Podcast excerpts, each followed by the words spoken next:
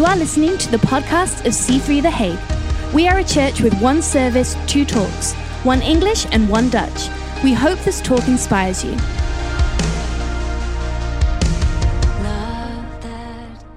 So let me just read the scripture to you uh, 1 Samuel 30. Um, 1 Samuel 30, um, verse 1 to something. And we will find out uh, as, uh, how far we will get. But it, it says, um, Now it happened when David and his men came to Ziklag. You don't really need to know a lot about Ziklag other than this is where David and his men stayed. And on the third day, that the Amalekites had invaded the south and Ziklag, uh, attacked Ziklag and burned it with fire. Don't you hate it when the Amalekites do that, right? Um, I just, I just hate that. And so, uh, and they had taken captive the women and those who were with them from small to great. They did not kill anyone, but carried them away and, and went their way. So David and his men came to the city, and there was, this was their city, um, burned with fire, and their wives, their sons, and their daughters had been taken captive. And David and the people with him lifted up their voices and wept until they had no more power to weep. And David's two wives, don't have a lot of time to discuss that, but the Bible never advocated uh, polygamy in the Old Testament. But David did have two wives. There's no way of getting around it right now. It says it pretty plainly. Uh, Ahinoam and a Jezreelite Tess and Abigail, the widow of Nabal the Carmelite, had been taken captive. So David, his family, the family of our man were taken captive. Um, and now David was greatly distressed, for the people spoke of stoning him, because the soul of the people was grieved, and every man and his sons and his daughters. Um, but David strengthened, and this is the, the, the sort of the thought that I want to center this this talk around. But David strengthened himself in the Lord his God. And then David said to the priest, What should we do, basically? And the priest said, Go and take them, and, and God will be with you. And uh, you will without fail recover each and every one of them, which was obviously encouraging. Um, so, you know, I know that as a, as a pastor, maybe people people think that my every day I wake up saying joy to the Lord. Uh, this is the day, the day that the Lord has made. I will be glad and I will rejoice in it. And um, but uh, I do have a real life, and um, and so um, haven't spoken about this a lot to my wife. Uh, like that's sometimes how preaching works. You sometimes share things, you reflect on it, and then you think, okay, I'm going to share this, and then your wife finds out. um, uh, but I wouldn't hide this from her either. Uh, but uh, so I was a couple of weeks ago. I woke up pretty frustrated around some situations. I was, I was slightly aggravated. I left the house uh, with Jaden, um, my youngest boy, or my my my boy, my only boy, uh, and um, and with Elisa. Dropped off Jaden at the crash I was a bit annoyed actually that because our crash had been moved to another place, and so I had to drive a lot further. I realize that's first world problems, but still, you know, like, bear with me, forgive me. Uh, but uh, that was kind of annoying, and I think I, I sped a little bit too much, and I was just a bit frustrated. And I could see Elisa noticed. Um, uh, I'm a pretty expressive person, and and so um, and so I had this conversation with her in the car just before I dropped her off, and I said, you know, I said to Elisa because I wasn't really proud uh, of that moment, and because I was clearly frustrated. And I said to her, Elisa, um, I hope you know that Papa is not angry at you. And she says, um, Yeah, I know, I know. And so I said, and I asked her this question. I said, Do you mind that Papa's angry uh, right now? And she said this thing. Uh, and I got emotional in the first service, but I'll try to keep it together right now. But but she said this thing. She said, um, "It's okay, Papa, because I know you're not angry at me, but you're angry at yourself." And I'm like, "Where did I? she is i'm telling you that girl is so emotionally aware of things and herself and everything i'm like wow that's and i really like like it's almost like like god sort of spoke to me through my five year old and it was kind of like you know i realized it wasn't as bad as i thought it was and i also got a little i actually got quite encouraged by that but but i but i'm saying all that first of all to take the again to take the pressure off a little bit because you know, as a we do we do feel that Christianity requires a lot of us, right? It's a it's a pretty big thing. Um, so that's one thing. And the other thing is, in the Bible, the heroes that God used in the Bibles, men and women. Um, I'm so thankful that they didn't they didn't all have perfect circumstances, and even better, they didn't all have perfect responses to their circumstances because we can feel a little bit perfectionistic sometimes around our morality and especially raising kids and everything. Like, like let's just state the obvious. Um, we all make mistakes, and none of us is perfect. And church shouldn't be a place, by the way, where we present our perfections um, so that we can fit in, because actually it can be kind of counterproductive because it can actually cause other people to feel the pressure and us to not necessarily fit in. Um, it is sometimes your humanity that actually makes a connection with people. But um, not to stray away too far, um, uh, I just I just think like the David situation was pretty bad, and and David was a like he was a sensitive guy, but he was kind of like a man's man. For example, you had you know David, def, you know he he defeated Goliath, cut off his head. You know, at one occasion, David collected 200 foreskins of the of the Philistines and presented it to the king to get his wife. I mean, that's a pretty, you know, it's kind of like a manly thing to do, I think. although, although I just think. Uh, although, although I think logistically that's like kind of like a, you know, like I'm not sure it's like I'm not saying that's that's that's the manly thing to do, but it's it's certainly a masculine thing to do. Um, and so he was a man's man. And you read about David and his mighty men, and very likely some of them, uh, like most of the, the, the men who were who would later be the mighty men, were here in this group. But you can see that David and his and his team did not have a great moment here. And so and so these mighty men. Um, these mighty heroes. So, so, there's a story about one of the men, I think his name is Shammah. Uh, the Bible wants you to know that one day it was a snowy day. It's very important that you know it was a snowy day. And that he found a lion in a pit somewhere and, and killed the lion. I mean, that's a pretty manly thing to do. Another one of the men um, f- uh, had a fight with a, uh, with a giant, took off the spear of the giant and killed him with his own spear. I mean, that's pretty like to kill a giant is one thing, but to kill him with his own spear, you know, that's that's that's stuff, right? Like like that that would go on your resume just like that. And so and so these these strong, these mighty, these powerful men are now completely in the wrong situation, and their response is like they're thinking about stoning their leader. It's, it gets pretty bad quite quickly, um, and so so David and a lot of the heroes in the Bible have their weak moments in life but I want, I want to draw a little bit of attention to what then David does, um, because David makes a decision to find his strength in his God. David makes a decision to find his strength in God. And so let me just first of all say in God, you can find a strength that you don't have in you. And that is actually, I think that's really good news because because you might be discouraged, you might be tired, you might you might have sort of like fearful daydreams. I think some some sometimes we can we can have faith in the opposite where we sort of like envision ourselves failing like maybe you started a business but every once in a while when things are getting tough you can sort of like see yourself lining up in front of the chambers of commerce to hand in your your um, faillissement your bankruptcy and you can, you, can sort of like see people on facebook laughing at you saying oh yeah he thought it was all that. You know sometimes we can see our relationship broken and you can just sort of like daydream these negative things. Like uh, like is that real?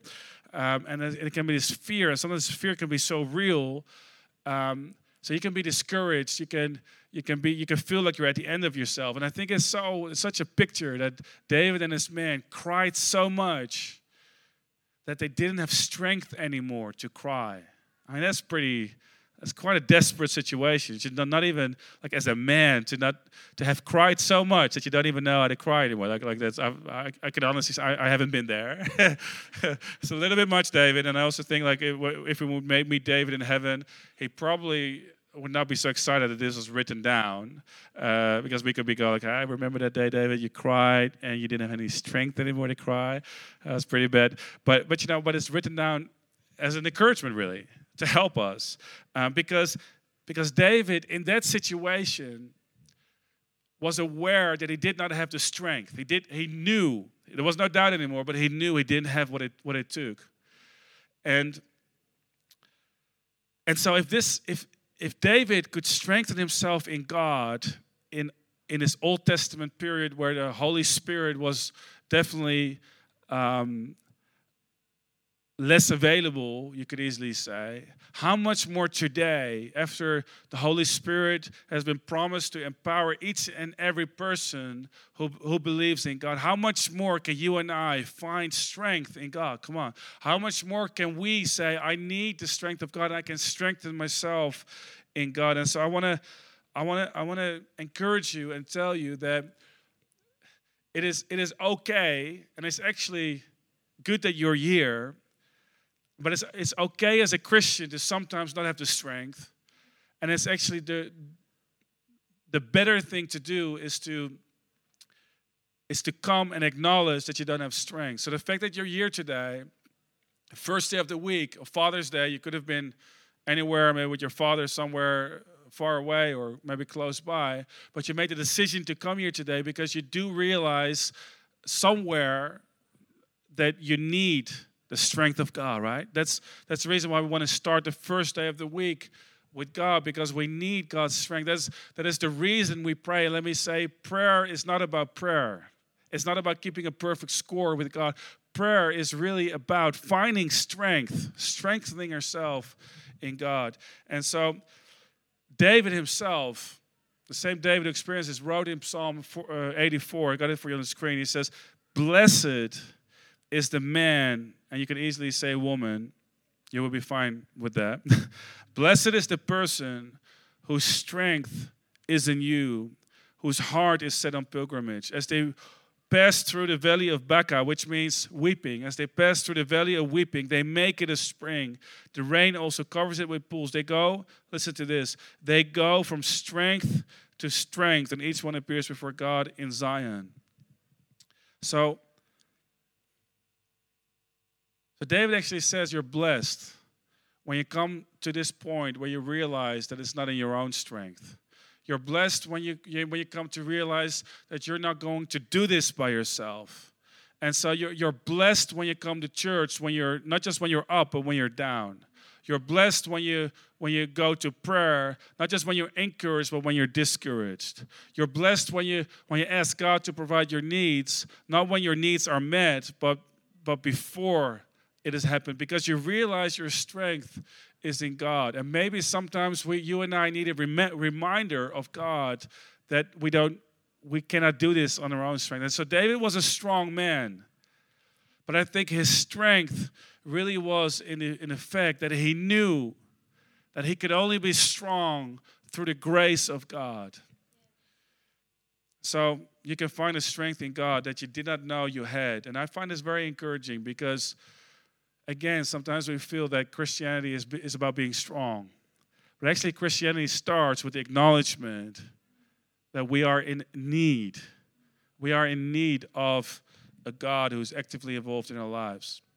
So, let me share this thought with you. You can find strength in God's thoughts for you. You can find strength in God's thoughts for you. Um, there's this psalm, Psalm 39, also written by David where he says in, at the end of the psalm, he says, God, how precious are your thoughts to me.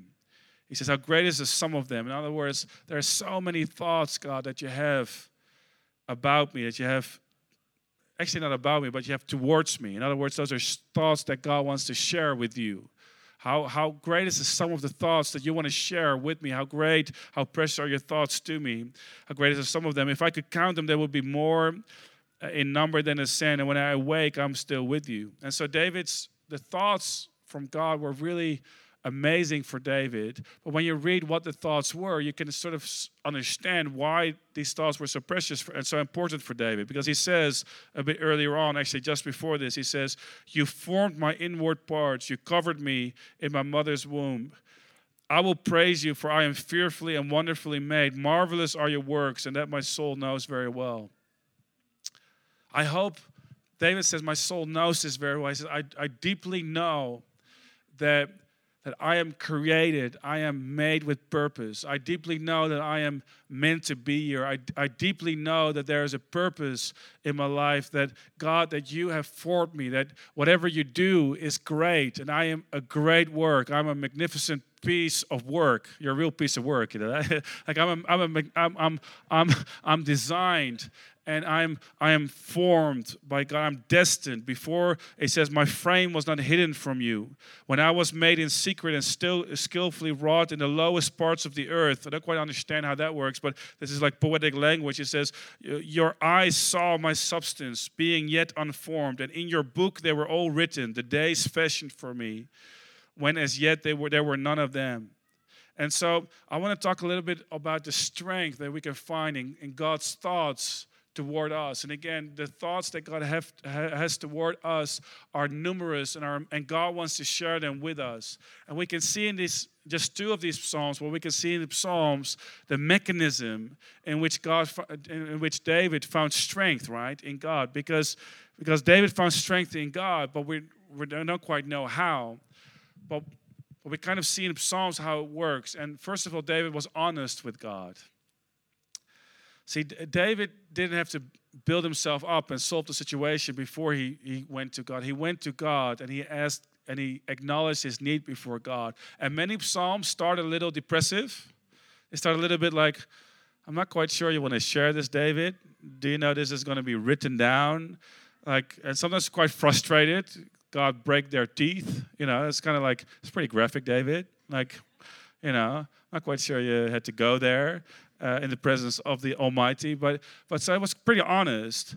But he but usually he comes to this point where he he exchanges his weakness with strength, where he exchanges his sadness with joy, where he exchanges his doubts with with with a um, um, a, a, resolution. And actually, interestingly enough, I didn't share this with the Dutch uh, church; they will never know. But, but the word strengthen, it means a couple of things. It's translated a lot of times as strength, but it, but it also kind of means to be resolute, and it means to be encouraged, and it means to be firm, to take a stance. And, and, so, um, and so David, he, he sort of like encouraged himself in God. And, and can I just, before I talk about the thoughts of God, can I just say this? Finding your, it says that David found his strength in God. It didn't say that God strengthened him. It didn't say that at the perfect moment God did it. It says that David took the initiative to say, God, I'm going to go to you and I'm going to find strength. And so I want to I want to sort of like encourage you to become a little bit um, to become a little bit hungry that when to not just wait. There's there's way too much sera, sera thinking in Christianity where it's like whatever will be will be. That's apparently what it means.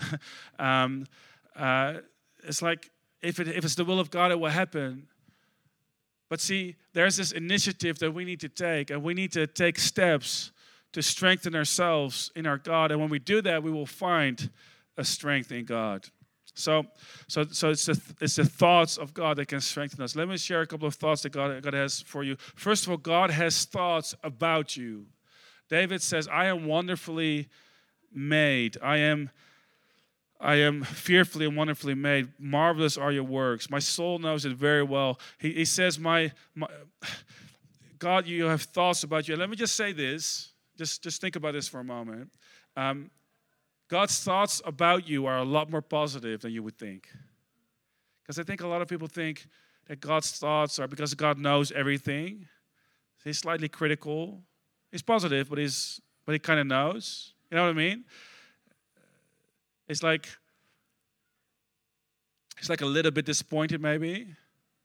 But I want to tell you that God is not disappointed. God knows you very well. God understands you, and, and God has wonderfully created you and he knows you. He knows how you function best. He he understands you. And i want to tell you god's thoughts for you are a little bit more positive than you would than you would say. And this this is the thoughts these are the thoughts of god's truth about you.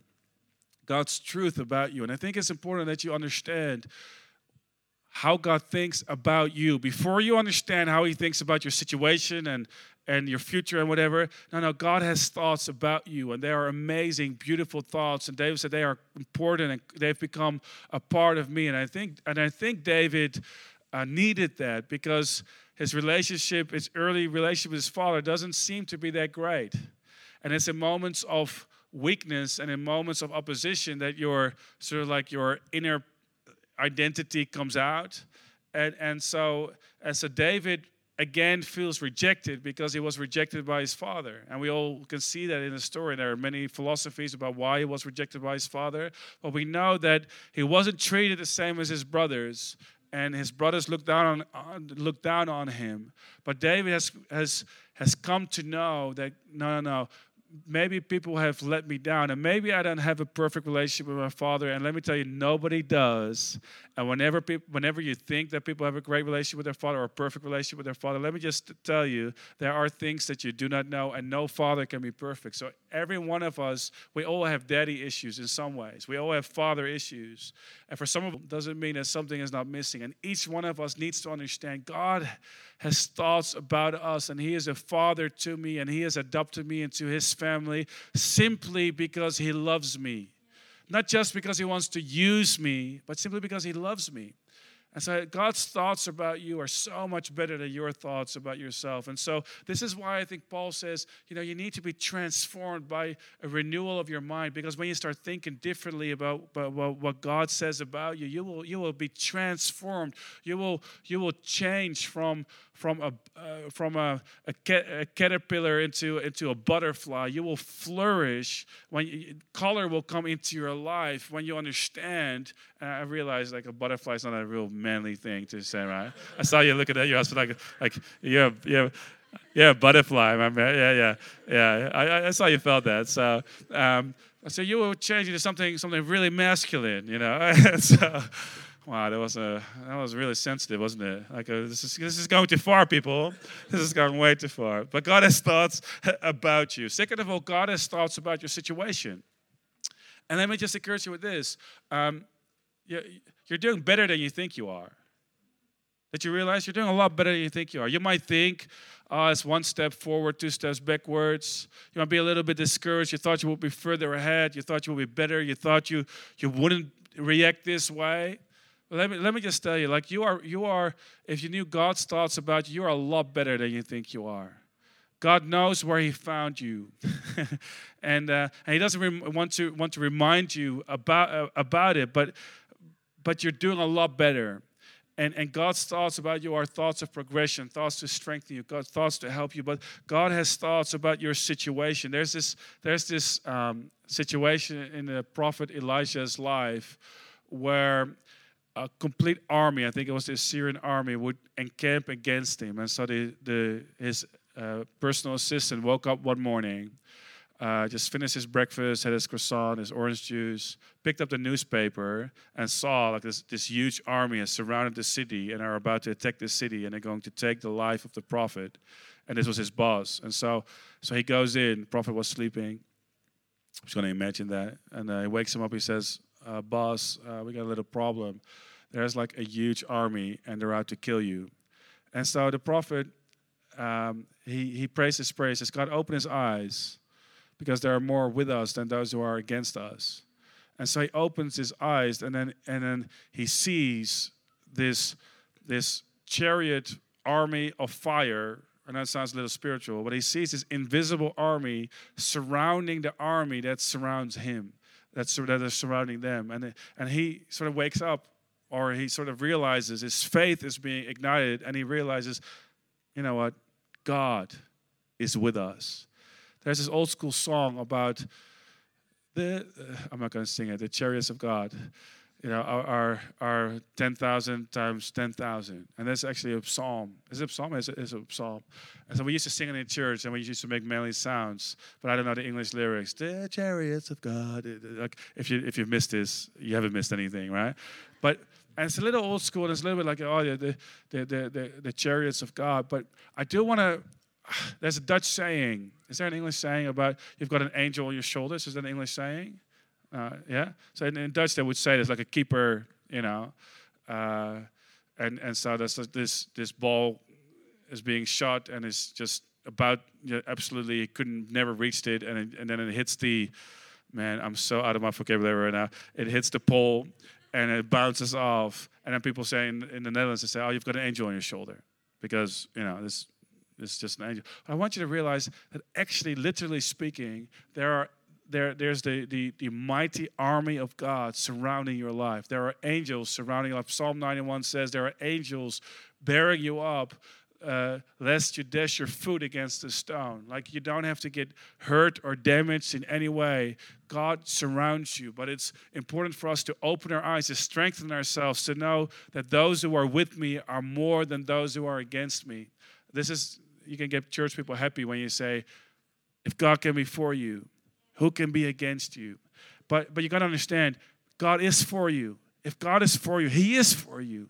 And so, nothing can stand against you right now. You're doing a lot better than, you think. If you think you're you're um, at a disadvantage right now, God is with you. And I begin to realize that when David wrote, Lord, you are my portion, I heard this other pastor, actually, pastor's wife say, I don't get that. I don't understand. The Lord is my portion. What, what good is the Lord as my portion? But what it is, is God is with you.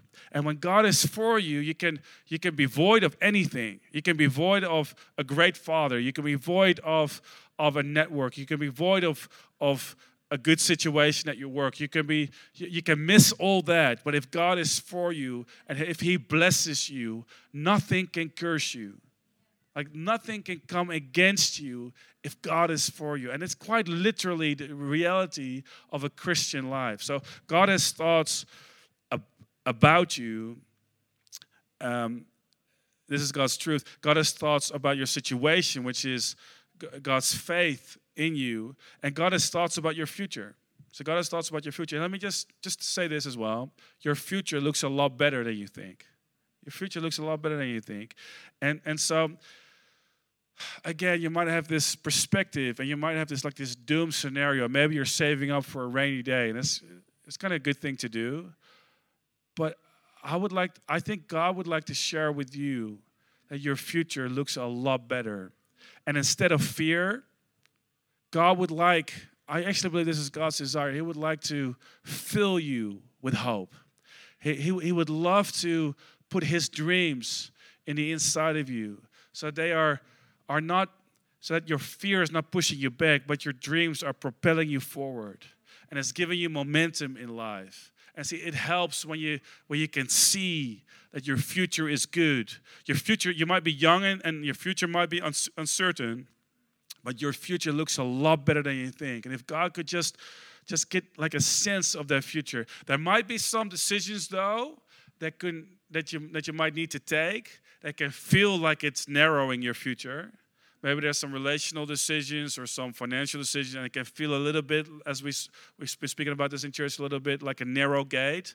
But I want to tell you that behind the narrow gate, behind the wisdom of God, is is a horizon of a wide future that God has for you. And I want to tell you that whenever God disciplines you, whenever God says, hey, wait a little longer, whenever God says, hey, I, need you to make this decision, whenever God says, I need you to submit, as my wife spoke so eloquently about last week, I need you to get into this, I need you to jump into this. I want to, I want to let you know that God is doing this because He's preparing you for a future. And who knows that David and his men, um, could not have become the mighty man they became later if they didn't go through this circumstance. Because David and his men found a strength in God. And I can tell you the outcome of the story is that they are victorious. Is anybody excited about that? Last, last, last thought. God has thoughts about your past.